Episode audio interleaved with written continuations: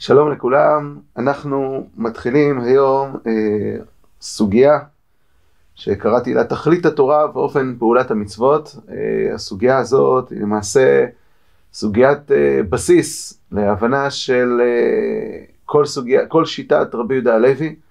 הרבה פעמים שאלת התכלית, ברגע שאנחנו קוראים ומבינים מה תכלית של כל דבר, במקרה הזה התורה והמצוות, הדבר הזה מוביל נותן לנו וקטור לכל אה, שאר הפרטים שיש בעבודת השם ובכלל בענייני האמונה, מה זאת נבואה, מה זה עולם הבא, מה היחסים שבין ישראל לבין אומות העולם, המון המון, פרטים שנובעים מהשאלה הזאת של מה התכלית של התורה והמצוות.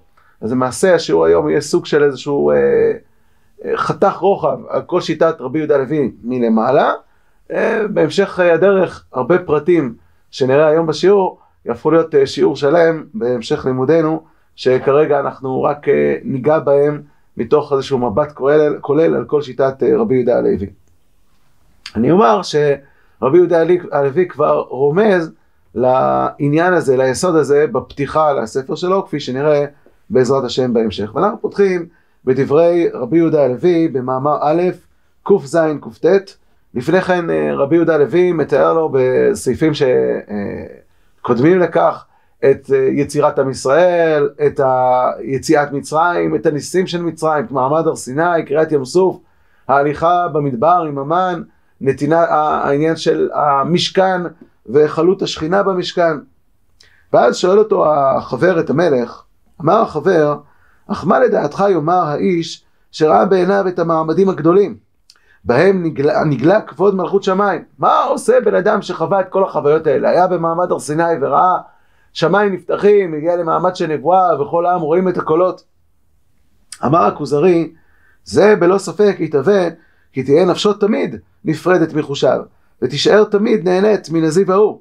איש כזה ודאי מתהווה למות. כן, אם הנבואה זה איזשהו רגע של התנתקות מכל העולם החומרי, אז הייתי שמח להישאר שם כל הזמן, ובעצם זה מציאות של מוות.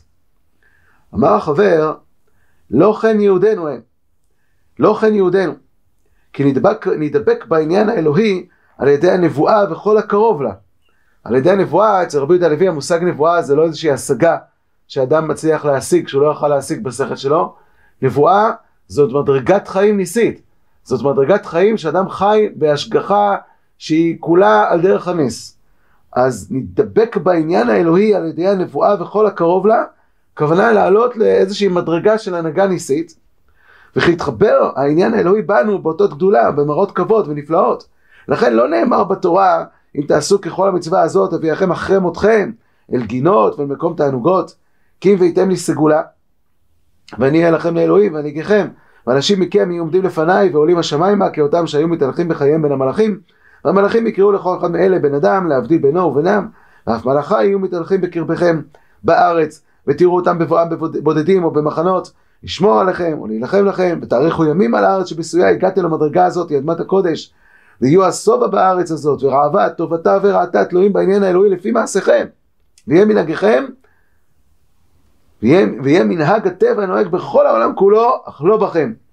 כי כל עוד שכינתי שורה בקרבכם, תראו סובה בארציכם, כי שמכם יבואו כסדרם, לא יקרשו זמניהם, וכולי, ובזה תדעו כי עניינכם נוהג לא כפי חוקי הטבע, כי אם לפי רצוני, וכולי. אומר רבי יהודה הלוי, למעשה רבי יהודה הלוי מתאר פה את פרשת בחוקותיי, פרשת פיקי תבוא, והיה עם שמוע, שהן הפרשות שמספרות לנו מה יהודי התורה, בשביל מה אנחנו קיבלנו תורה ומה מטרת המצוות.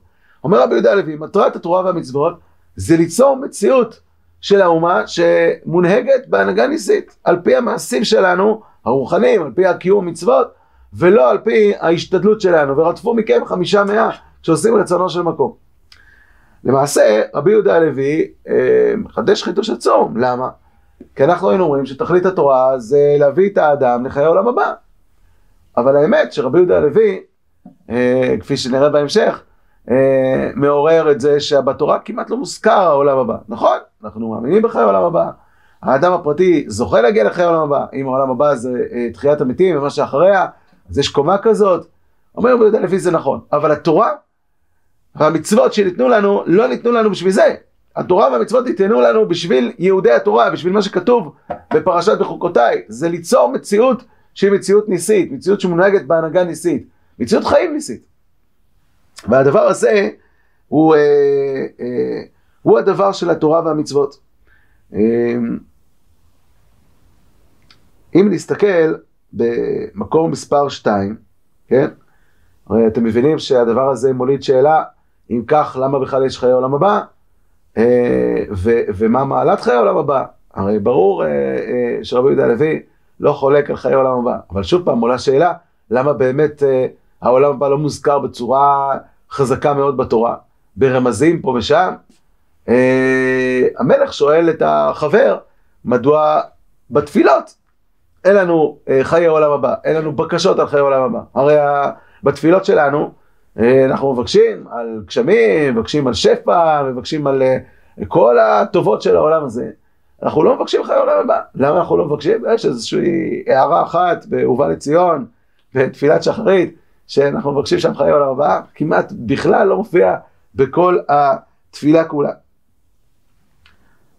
אומר אה, על זה הכוזרי בעצמו, במקום מספר 2, לא נותר לי מקום לערער בעניין התפילה. שהרי אני רואה שכל הנושאים מתוקנים ומושלמים.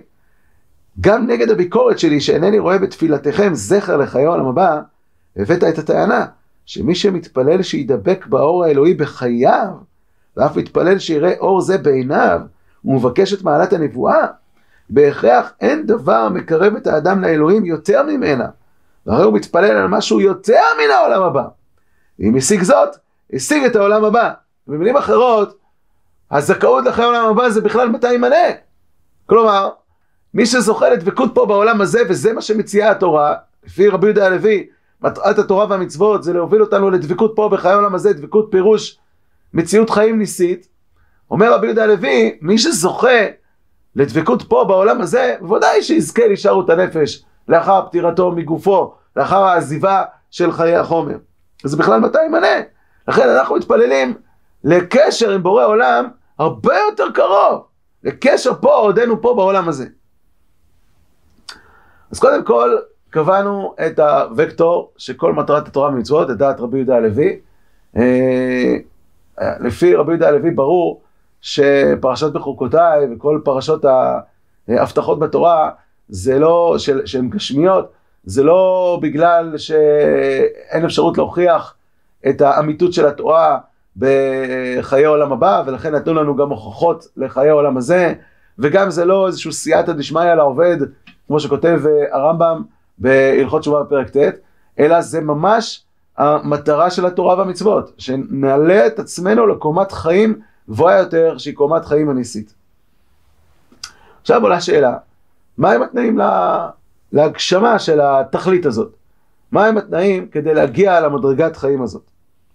אומר הכוזרי, אה, אומר אה, רבי דה לוי, במאמר א', ע"ז עד ע"ט, התנאי הראשון, ואל יהיה הדבר רחוק בעיניך, שרשמים אלוהים נכבדים, כלומר, נבואה, ניסים, השגחה, כל שלמות טובות העולם הזה, מופיעים בעולם התחתון הזה, בשעה שהוכנו החומרים לקבלם.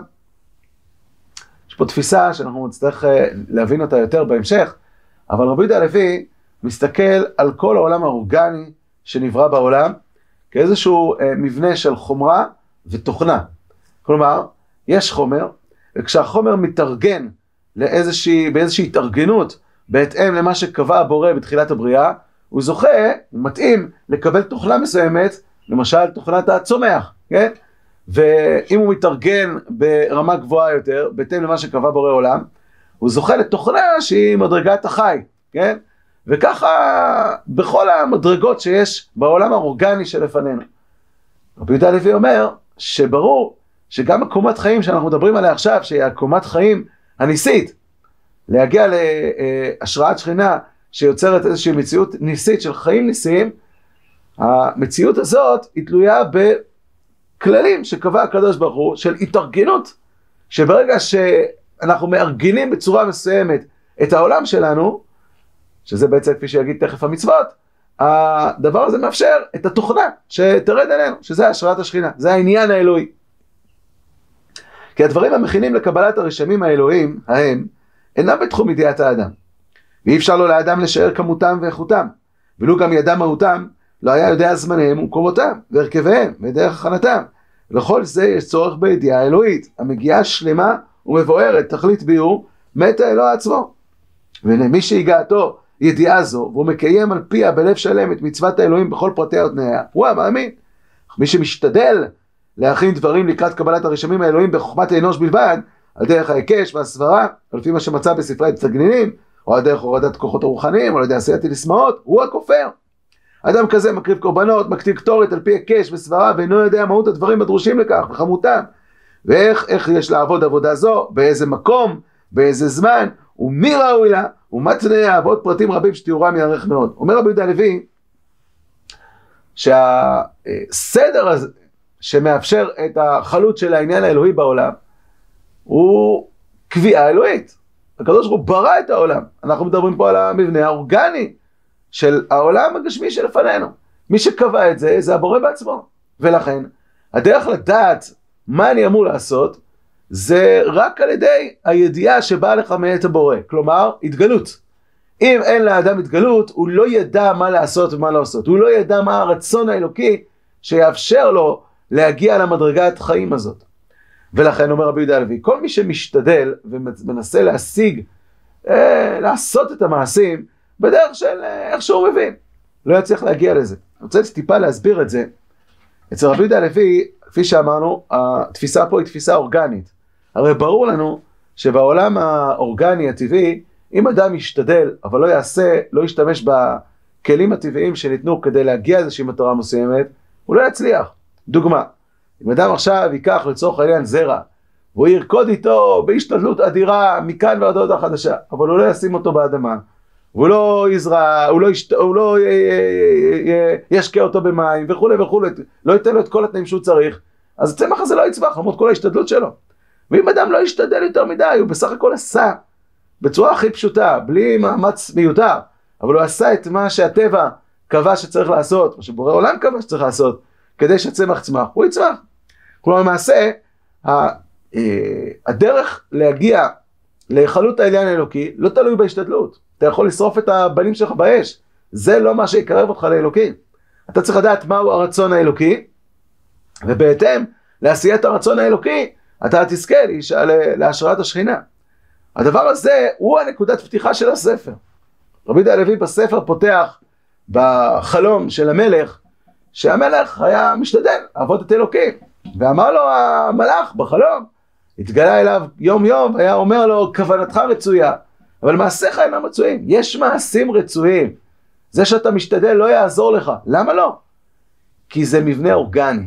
ובמבנה האורגני ההשתדלות לא קובעת. אתם מבינים שזאת פתיחה, שעוד אה, נראה אותה בהמשך, שמפרקת את כל הרדיפה, הרדיפה או הניסיון להגיע למעשה הרצוי על ידי הפילוסופיה, או כל תפיסת העבודה זרה שמנסה מפה ומנסה משם, ואפילו הקראות, רבי יהודה הלוי במאמר שלישי, יצא נגד הקראים, שגם הם משתמשים בשכל שלהם כדי לנסות ולהבין מה אומר דבר האלוהים. לא נבחין עכשיו, לא נסביר מה ההבדל בין הקראים לבין אה, לימוד התורה והפסיקה של סנהדרין עכשיו, כי אצל רבי יהודה הלוי פסיקת הסנהדרין באה על ידי חלות השכינה שיושבים בלשכת הגזית והשכינה ששורה מנווטת אותם הרצון האלוקי, לא ניכנס עכשיו לזה, אבל היסוד הוא אותו יסוד. היסוד הוא שכדי לזכות למבנה הניסי הזה, אתה זקוק למה, ל, ל, לידיעת המעשים המתאימים בהתאם למה שהאלוה קבע. ההשתדלות שלך היא לא רלוונטית והשכל האנושי הוא לא רלוונטי. ופה רבי יהודה הלוי נותן משל מפורסם, משל התרופות, נקרא אותו בזריזות, משל למה הדבר דומה, לשכר שחדר, שחדר לתוך אוצר התרופות של רופא, הידוע לכל בתרופותיו המועילות בשעה שהרופא איננו שם. ובראותו אנשים רבים צובעים על האוצר ההוא מתוך בקשת רופאות לנפשם. התחיל מוציא להם תרופות מתוך הכלים אשר, אשר שם, בלי כל ידיעה, בטיב התרופות, בכמות המנה והמנה ראויה לאיש ואיש. נמצא איזה ממית אנשים באותן תרופות שיכלו להועילם. עכשיו, לפעמים קורה שבאופן מקרי יצא שהוא קלה, אז כולם רצים לתרופה הזאת, ואז עוד כמה מתים. אומר אותו דבר גם כן היה בענייני האמונה. בדרך זו נהגו האנשים לפני דורו של משה, כולם חוץ מיחידים מועטים שזכו להתגלות האלוהית, היו נפתים להבלי ההצטגננות ולדעות חכמי הטבע שבדורותם, ונעתקים מחוקות שווא אל חוקות שווא, ומאל אל אל. ויש שהאמינו בכוחות טבע רבים, כבאלים, שכחם את המנהיג ומנהיג הכוחות הללו, וריבונם. וחשבו את הכוחות כשהם לעצמם סיבה לתועלת שהפיקו מהם, בשעה שמצד עצמם, כוחות אלה הם גם הסיבה להיזק, הכל לפי ההכנה והסידור. הנה לנו היסוד הזה של רבי יהודה הלוי, והאמת היא שהמועיל מצד עצמו הוא העניין האלוהי, המזיק מצד, מצד, מצד עצמו הוא היעדר העניין ההוא. הכל תלוי בהתגלות האלוקית ובציווי האלוקי. אז רבי יהודה הלוי מדבר פה על ההתגלות כתנאי לדעת מה המעשים הרצויים שמאפשרים את חלות השכינה. אה, לא רק ידיעת המעשים, אלא אפילו האמונה. להכיר ביסודות האמונה, גם לזה לדעת רבי יהודה הלוי צריך התגלות. וכך הוא כותב במאמר הרביעי על אברהם אבינו, שהוא לכאורה הדמות הקלאסית שהגיעה לאמונה מתוך uh, ההבנה שלו והשכל שלו, ושם רבי יהודה הלוי מתאר את ספר היצירה ומסביר אותו, שזה, uh, כמו שהוא מתאר שם, החוכמה של אברהם אבינו להוכיח את האיחוד מכוח הטבע, מכוח השכל האנושי, ואז הוא אומר, אברהם, באו עליו ניסיונות רבים. הסבל אשר סבל בראשונה באור כסדים, ואחרי כן בימי נודו כגר בארץ, ואחרי זה במילה, ואחרי כן בהרחקת ישמעאל, ואחרי זה בעקדת יצחק בעלותו עולה. והוא עמד בכל אלה, כי הוא השיג את מה שהשיג מן העניין האלוהי בחוש, כלומר בהתגלות נבואית והשגחתית, לא לפי היקש, לא ברכות שכליות למציאות השם ועיקרי האמונה. איך לא ילעג אברהם כעת להיקשיו ההגיוניים הקודמים? הלא כן דרשו חכמים זכרונם לברכה על הפסוק ויצא אותו החוצה, אמר לו צא מצגניות שלך. זאת אומרת, ציווהו לעזוב את חוכמותיו והקשיות כחוכמת הכוכבים וכדומה. ואז התחייב לעבוד את מי שהוא השיג בחוש. רבי יהודה הלוי רומז פה למשהו שעוד נדון בו בהמשך בעזרת השם, שהשגת האמונה או ההגעה לאמונה דרך הוכחות שכליות היא תמיד משאירה את האדם בספק. היום יש לו הוכחה, מחר פוסלים לו את ההוכחה. והספק הזה בוודאי לא יאפשר לו לבנות אמונה שמעמידה אותו בניסיונות. מי שעומד בניסיונות זה רק מי שפגש את אלוהים בחוש. מי שהגיע לידיעת האמונה על ידי ההשגחה וההתגלות האלוקית. אז אם כן, אנחנו מוצאים פה ברבי יהודה הלוי, שגם הדרך להגיע לאמונה חי... מחייבת התגלות. ועל הדבר הזה אומר המלך במקום מספר 5, א' צדיק ח', שעכשיו אני מבין את החלום שלי. בעצם למעשה, יש פה מבנה שלם של תפיסת רבי יהודה הלוי, התכלית של התורה והמצוות זה להגיע לדבקות, לאיזושהי נוכחות של שכינה שנותנת הנהגה ניסית, אה, מציאות חיים ניסית בעולם הזה. הדרך על ידי הציות למצוות האלוקיות שבאות מלמעלה. ואומר על זה המלך במקום מספר 5, א' צדיק ח', אמר הכוזרי, תמכת בדעתי במה שהאמנתי ושראיתי בחלומי, שאין אדם מגיע לדבר האלוהי אלא בציווי האלוהי. כלומר, במעשים שאלוהים מצווה עליהם. שאם לא כן, הרי רוב בני אדם מתאמצים, כולם מתאמצים, כולם רוצים לעבוד את האל ומתאמצים ומוסרים את הנפש, זה עדיין לא אומר שהם יגיעו לקרבת השם. למעשה, הסעיף הזה, סעיף צדיק ח', נאמר אחרי סעיף צדי, אה, צדי ה' וצדי ז', שרבי יהודה הלוי עוסק בחטא העגל.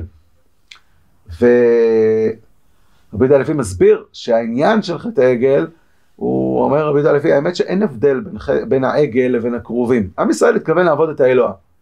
אז מה ההבדל? למה העגל לא בסדר והכרובים בסדר? ההבדל הוא הבדל יחיד. פה לא ציווה השם, ופה ציווה השם. נדב ואביהו נכנסים להקטיר קטורת. שנייה לפני כן יכול להיות שאהרון הקטיר קטורת, אבל הוא הקטיר את זה בציווי השם, ולכן ותצא אש מלפני השם, ותאכל את החלבים ואת החזות. אבל שנייה אחר כך שהם נכנסים ומקריבים מסרה, אשר לא ציווה אותם, וזאת הנקודה המשמעותית, אז התוצאה היא ותצא אש מלפני השם ותאכל אותם. כלומר, הנקודה המפרידה היא לאו דווקא, הנה, מה זה משנה, הנה עשינו, לפי דעתנו, איזושהי דמות שנראית לנו מתאימה. אין הבדל בין הכרובים לבין העגל, ההבדל הוא הציווי האלוקי. אז זה התנאי הראשון. התנאי השני, אה, אולי לפני התנאי השני, אה, ניגע בהשלכה שיש לתנאי הזה. בעצם המעשה אצל רבי יהודה הלוי, המצוות זה מעשה שפועל במציאות, בדיוק כמו כל העולם האורגני שלפנינו. כמו שאדם עכשיו לוקח אה, זרע וזורע אותו באדמה, ומשקה אותו כדי שהוא יצמח, למעשה המצוות הן פועלות באותה צורה. המצוות הן פועלות. פה יש נקודה משמעותית, שאם המצוות פועלות, אז ולא מה? אנחנו יודעים שיש אה, תפיסה שלמה בתוך uh, תורת ישראל, שרואה את המצוות למשל כמחנכות. כלומר הרמב"ם למשל במורה נבוכים ג' כ"ז מסביר שמטרת התורה והמצוות זה או לתקן את, ה, את המידות של האדם, או לתקן את החברה, או לתת לאדם דעות נכונות באמונה, כן? זה המצוות, ולכן המצוות באות לחנך את האדם. על ידי זה שתעשה את המצווה, המצווה כשלעצמה היא לא פועלת פעולה כלשהי בעולם. המצווה מחנכת אותך, היא פועלת עליך על ידי זה שתיתן צדקה אלף פעם, יכול להיות שתתחזק במידה הנכונה של uh, מידת הנדיבות, כן? או שתעשה שבת, ועל ידי השבת uh, תתחנך ליסוד של uh, האמונה בבריאת העולם. אבל עצם עשיית המצווה כשלעצמה היא לא הנקודה, הנקודה היא זה מה זה משפיע עליך. אצל רבי יהודה הלוי, היסוד של המצוות הן מצוות פועלות במציאות, כמו כל העולם האורגני שלפנינו. תראו את הדברים שכותב הרמח"ל בדרך השם, ממש אה, באותו סגנון, כמובן פה ברמה הפרטית, אצל רבי יהודה הלוי זה יותר ברמה הלאומית, לא ניכנס לחילוק הזה, במקום מספר 6, אומר כך, שם השם יתברך גבולות וסדרים. אפשר להגיד שהגבולות זה המצוות הלא תעשה, והסדרים זה מצוות תעשה, שימו לב עוד, עוד פעם למושגים, גבולות וסדרים, יש פה סדר לאדם, בתשמיש שישתמש בעולם ובריאותיו, ובכוונה שהתכוון בהם. אשר ישתמש בהם האדם באותם הגבולות, באותם הסדרים, באותה כוונה שציווה הבורא יתברך, יהיה אותו הפועל הגופני והחומרי עצמו פועל שלמות, ובו יתעצם באדם מציאות שלמות מעלה רבה, יתעלה בו ממצבו השפל ויתרומם ממנו למצב עליון. תראו את הדברים שכותב הרב קוק במקום מספר 7 בשמונה קבצים. אחד מיסודי הידיעות העיקריות הוא שאין המצוות דברים סימבוליים, כן, אמר הרש"ל הירש, שעל ידי זה שאתה עושה איזשהו משהו, זה מזכיר לך איזושהי דעה, איזושהי אה, אה, מידה טובה וכן הלאה, אלא עם פעולות יציריות, פעולות שיוצרות משהו במציאות. שהמחוגה האלוהית תיארתה, מכל מקום יש בהן כל מרחב, אה, מרחב גדול גם לכל היופי הסימבולי, אפשר לראות את הדברים גם וגם, אבל בגדול, יש פה אמירה שהמצוות הן פועלות במציאות, זה סדר שכשאתה פועל אותו, אתה מאפשר את התוכנה של אה, חלות השכינה שתשרה באומה. אה, מה ההשלכה שיש לזה? ההשלכה שיש לזה שאין שום משמעות לעיסוק בטעמי המצוות. לפי, אם אתה מבין שהמצווה, אם יש לה צד מחנך, אז ברור שאם אתה אה, עושה קידוש בשבת, אבל אתה לא מבין מה אתה אומר, ואתה לא מתחנך לאמירה ולתודעה הזאת ש, אה, של בריאת העולם, אז פספסת את הכל. לעומת זאת, אם אתה מבין שהמטרה זה עצם עשיית המצווה, יותר מזה, אתה בכלל לא צריך לעסוק בטעם המצווה. אתה צריך לעשות את המצווה כ- כעושה. אם יש במצווה כוונה מסוימת, אז זה חלק ממעשה המצווה, אז זה משהו אחר. צריך לעשות את המצווה מתוך כוונה לעשות את ציווי השם, זה כן. אבל טעמי המצוות אין לזה שום משמעות, ורבי יהודה הלוי חוזר על זה בספר בכמה מקומות. כשהמלך שואל אותו, בשביל מה צריך קורבנות? מה העניין של הקורבנות? אז הוא נותן לו איזשהו מבנה של מה, מה המבנה של הקורבן, מה עושה הקורבן, מה המבנה של המשכן והמקדש, ואחרי שהוא מסביר לו את כל המבנה הזה, אז הוא אומר כך במקום מספר 8, זה בית כ"ו, ואינני פוסק וגוזר חלילה שכוונה בעבודה הזאת היא הסדר הזה אשר אני אומר אותו, אלא משהו יותר נסתר ונעלה, שהיא תורה מאת השם, ברור שאני לא יכול להשיג את הטעם בשכל שלי. ומי שקיבלה קיבול שלם מבלי שיחקור בשכלו ויתחכם, הוא מעולה ממי שהתחכם בה וחקר. עדיף האדם שעושה את המצווה מתוך תמימות בלי להבין את טעמי המצוות. מי שמתחיל לחקור זה כבר מישהו שעד שהוא לא יבין אז הוא לא יעשה, זאת אומרת שהוא לא מבין שהעיקר הפועל במצווה זה הציווי האלוקי ולא איזשהו משהו שאתה מבין אותו או לא מבין אותו. לכן התמים מעולה מן החוקר. רבי יהודה לוי חוזר על זה עוד פעם כשהמלך שואל אותו, תסביר לי את העניין של הטומאות והטהרות. הוא אומר לו, תקשיב, אתה לא זוכר מה אמרנו? אמרנו שאין שום משמעות להבין את טעמי המצוות. זה חוקה אלוקית. אז אחרי זה הוא נותן לו איזשהו הסבר, קצת להשיב את דעתו. הוא אומר, מי שהוא נפל אל המחקר, אז צריך לתת לו קצת תשובות, אחרת הוא, הוא יישאר בספקות, בקושיות. אבל בעיקרון, התמים הוא עולה מהחוקר. כל זה נובע מהתפיסה שהמצוות הן אה, יש פה מבנה אורגני, ומצוות הן פועלות בדיוק כמו שהעולם האורגני אה, עובד. גם נפש החיים, במקום מספר 9, מדגיש את העניין הזה ביחס לכל מיני כוונות, כוונות הארי, כוונות של החסידים, כן, אתה, אם אתה בעצם עושה המון כוונות, אבל בסופו של דבר התפעלת תפילת מוסף ביום ראשון, הרסת את הכל. כי העיקר הוא לעשות את הציווי האלוקי בזמן הנכון ובמקום הנכון, על פי כל הכללים והפרטים. העיקר זה הדיוק בפרטים של ההלכתיים של המצווה, שהסדר יהיה הסדר המדויק, על פי איך שציוותה התורה. לעומת זאת, אם אתה עושה משהו לא בהתאם לכללים, אבל יש לך כוונות ויש לך השתדלות, פספסת את הכל, כי התפיסה היא תפיסה אורגנית. אנו אין לנו אלא לשמור ולעשות ככל הכתוב בתורה הקדושה, בכתב ובעל פה, ככל משפטיים וחוקותיים וזמניהם, פרטיהם ודקדוקיהם, ובלי נטות בהם נטייה כל דאום. ושיקיימם איש ישראל כראוי, אף אם לא יכוון וגם לא ידע כלל טעמי המצוות, סודות כוונתם, על כל זה נתקיימו המצוות ויתוקנו על ידיהם העולמות ויתרבה בהם קדושה ואור בכל מצווה לפי שעתה מקורה ועניינה ויתן עוז לאלוהים נדבר שמו. שכן קבע בורא יתברך טבעם של העולמות שהתנהגו על ידי מעשי האדם וכל מצווה היא העולה מעצמה לפעול פעולתה מיוחד לה. מי שזיכהו השם יתברך להשיג נסתרות הוא אומר אתה יודע מה המטרה של כל הנסתרות האלו כוונות הערים וזה הוא אומר זה כדי שתתבונן קצת כדי שקצת יותר תתלהב בעבודת המצוות אבל לא שזה, אין, אין, אין בזה איזושהי מעלה על עצם עשיית המצווה. העיקר זה עצם, עצם עשיית המצווה ולהקפיד אותה כמאמרה. אה, אז זה בעצם סיכום של התנאי הראשון, ה- לעשות את הציווי האלוקי. אבל אם אתם זוכרים, בע"ט, שם במאמר הראשון שקראנו, רבי יהודה הלוי לא דיבר על מעשים מסוימים שיורדים את האלוה, אלא גם מי עושה אותם ואיפה הוא עושה אותם. כלומר, התנאים כוללים לא רק מעשים מסוימים, אלא גם מי ומתי ואיפה עושים אותם. ובאמת, במפגש הראשוני של החבר עם המלך, כשהוא שואל אותו, תציע לי, תסביר לי את האמונה שלך, ואומר, אנחנו מאמינים במי שהוציא אותנו ממצרים, מי שנתן לנו את התורה, אז הוא אומר לו, טוב, זה חוויה אישית שלכם כמשפחת uh, ישראל, איך זה מחייב אותי? הוא אומר לו, זה באמת לא מחייב אותך.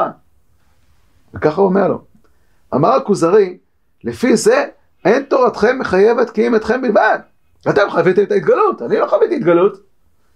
אמר החבר, אמנם כן. כל מי שיתלווה אלינו מן האומות, כיחיד, יבואו מן הטוב אשר היטיב עמנו האלוה, אבל שווה לא ישווה אלינו.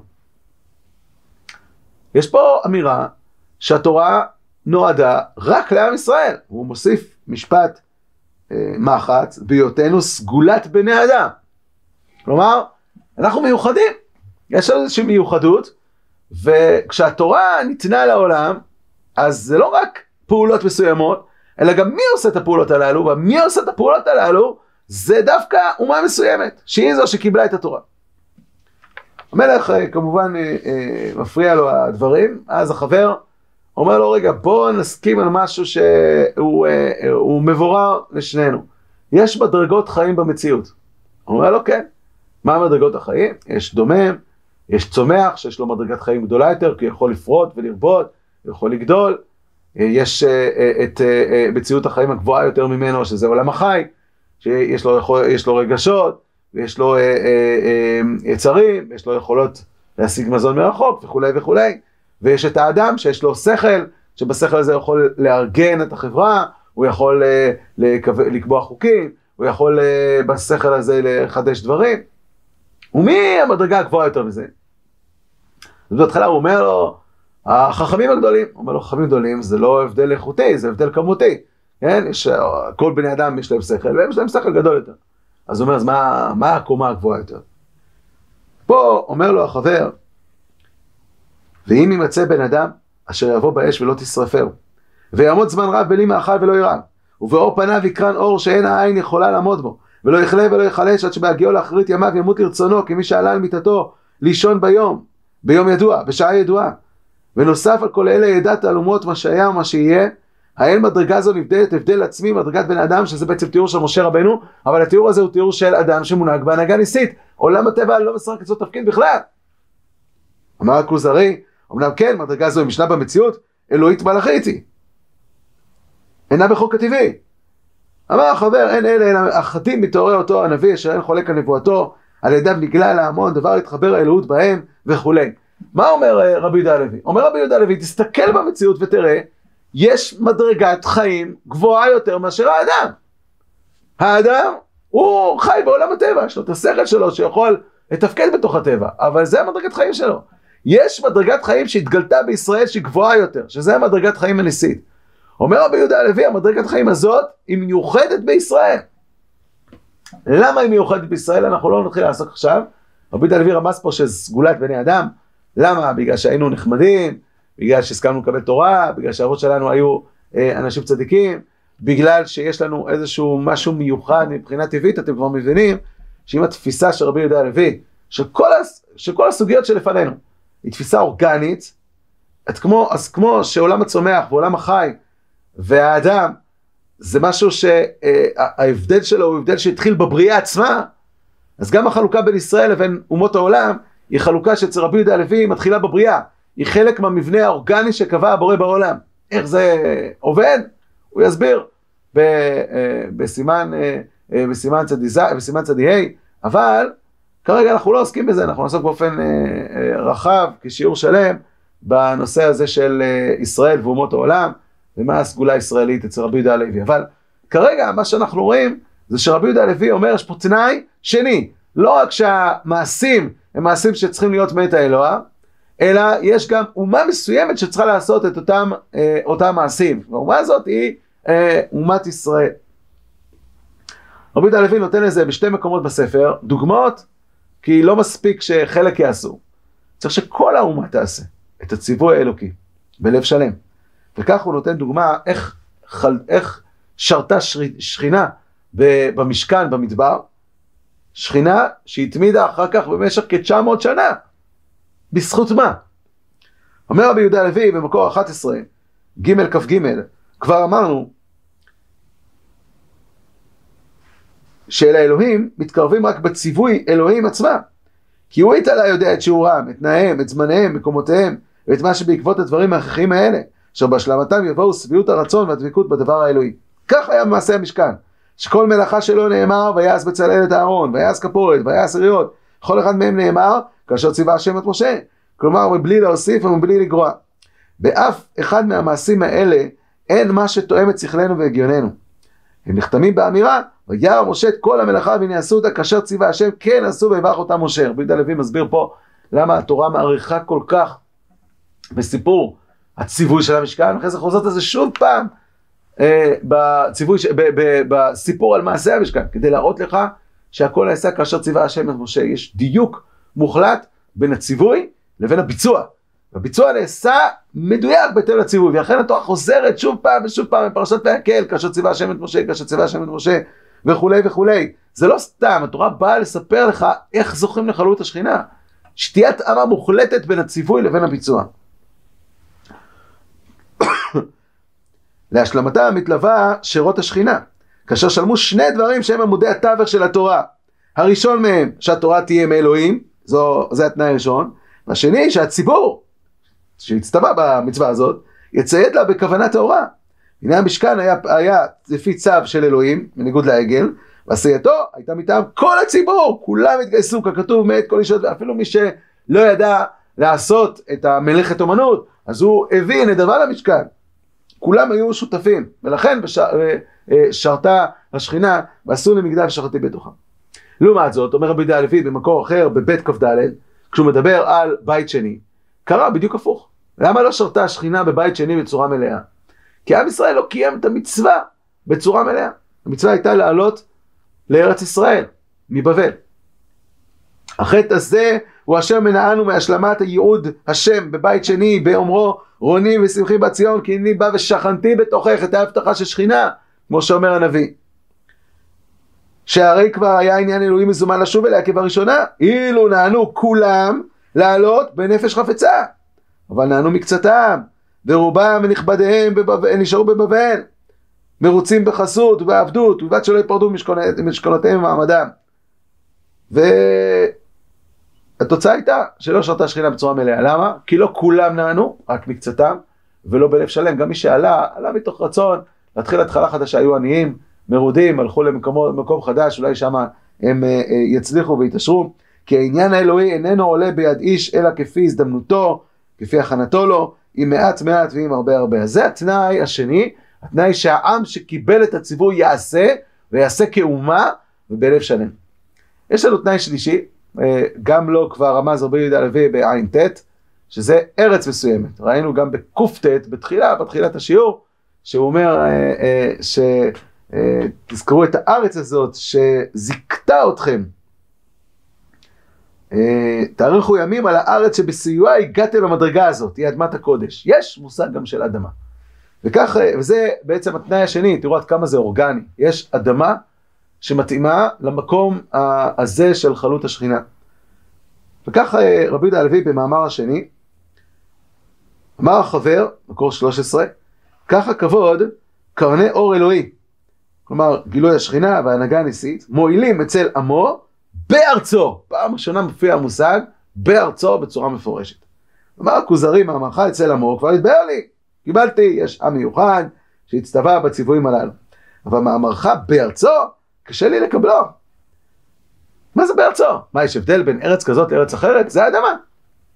אמר החבר, היה לי קשה לקבל שתתייחד ארץ אחת מכל הארצות ואתה רואה מקומות שגדלים בהם צמחים מסוימים, בלעדי צמחים אחרים, שלא מצליחים לגדול בהם. מחצבים מסוימים קיימים במקום מסוים, בלעדי מחצבים אחרים שלא קיימים בו.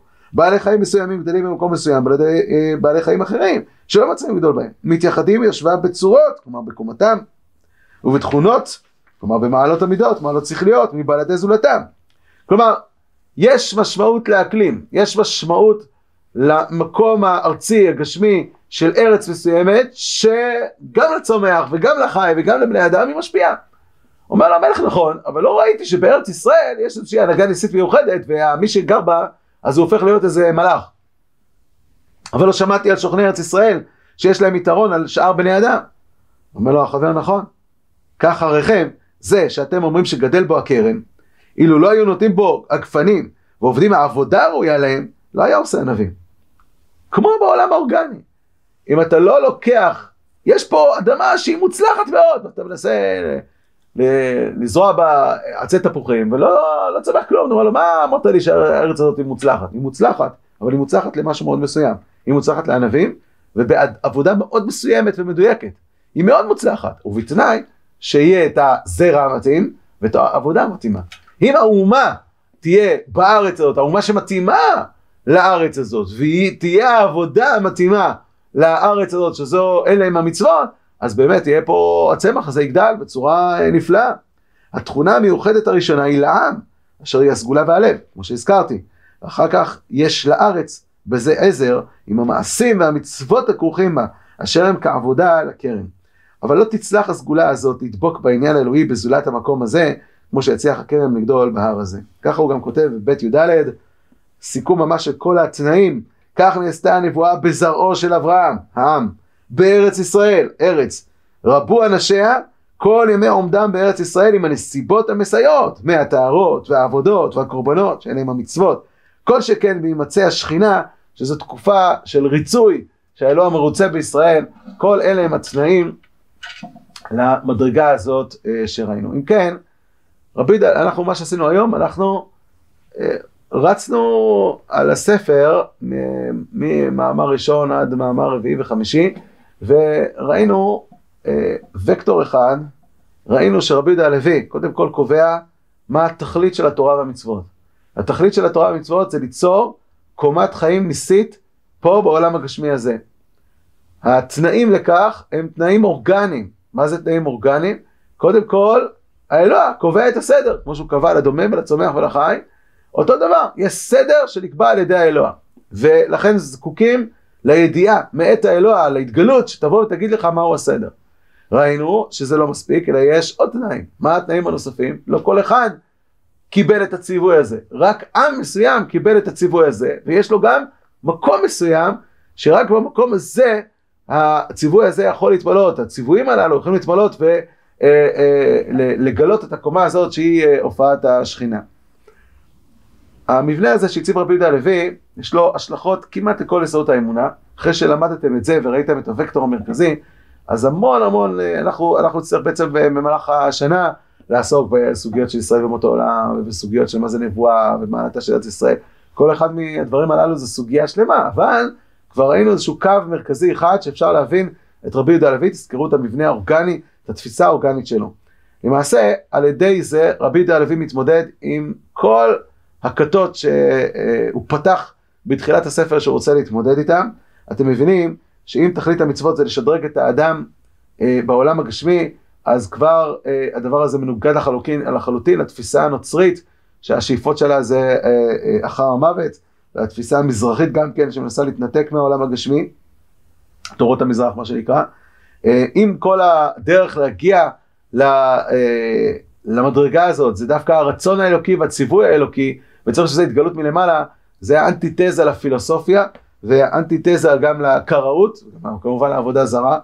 אה, אם אנחנו מבינים שהתנאי של קיום המצוות, של, של המדרגת חיים הזאת, זה אומה מסוימת, אז, אה, והאומה הזאת היא אומה שנבראה כאומה, עם זו יצרתי לי, תהילתי יספרו, אז כמובן שהסיפור הנוצרי של החלפת עם ישראל, או הסיפור המוסלמי, הוא לא רלוונטי, וזה גם כן אה, יציאה מהתפיסות שלהם, וגם בתוך עם ישראל, היסוד הזה של ההקפדה על הדיוק שבמצוות, ביחד עם העשייה של המצוות בשמחה, ההדרכה הזאת כנקודה מרכזית, נותנת איזשהו כיוון מאוד מאוד מסוים ביחס לאיך עושים את המצוות. הסוגיה של טעמי המצוות, האם העיקר זה לדעת אה, ולהשיג מהמצוות איזשהן ידיעות, האם התכלית שבמצוות זה איך אני עושה והעיקר זה ההתלהבות. רבי דה הלוי מכוון למקום מאוד מאוד מסוים גם באופן עשיית המצוות בתוך אה, עבודת השם. כפי שאמרתי הסוגיה הזאת היא סוגיה יסודית. אנחנו אה, אה, בהמשך הדרך שלנו כל פרט מהדברים שלמדנו היום עם עוד פרטים נוספים אה, נרחיב ונבהר. שיהיה יום טוב ובהצלחה בהמשך הלימוד לכולם.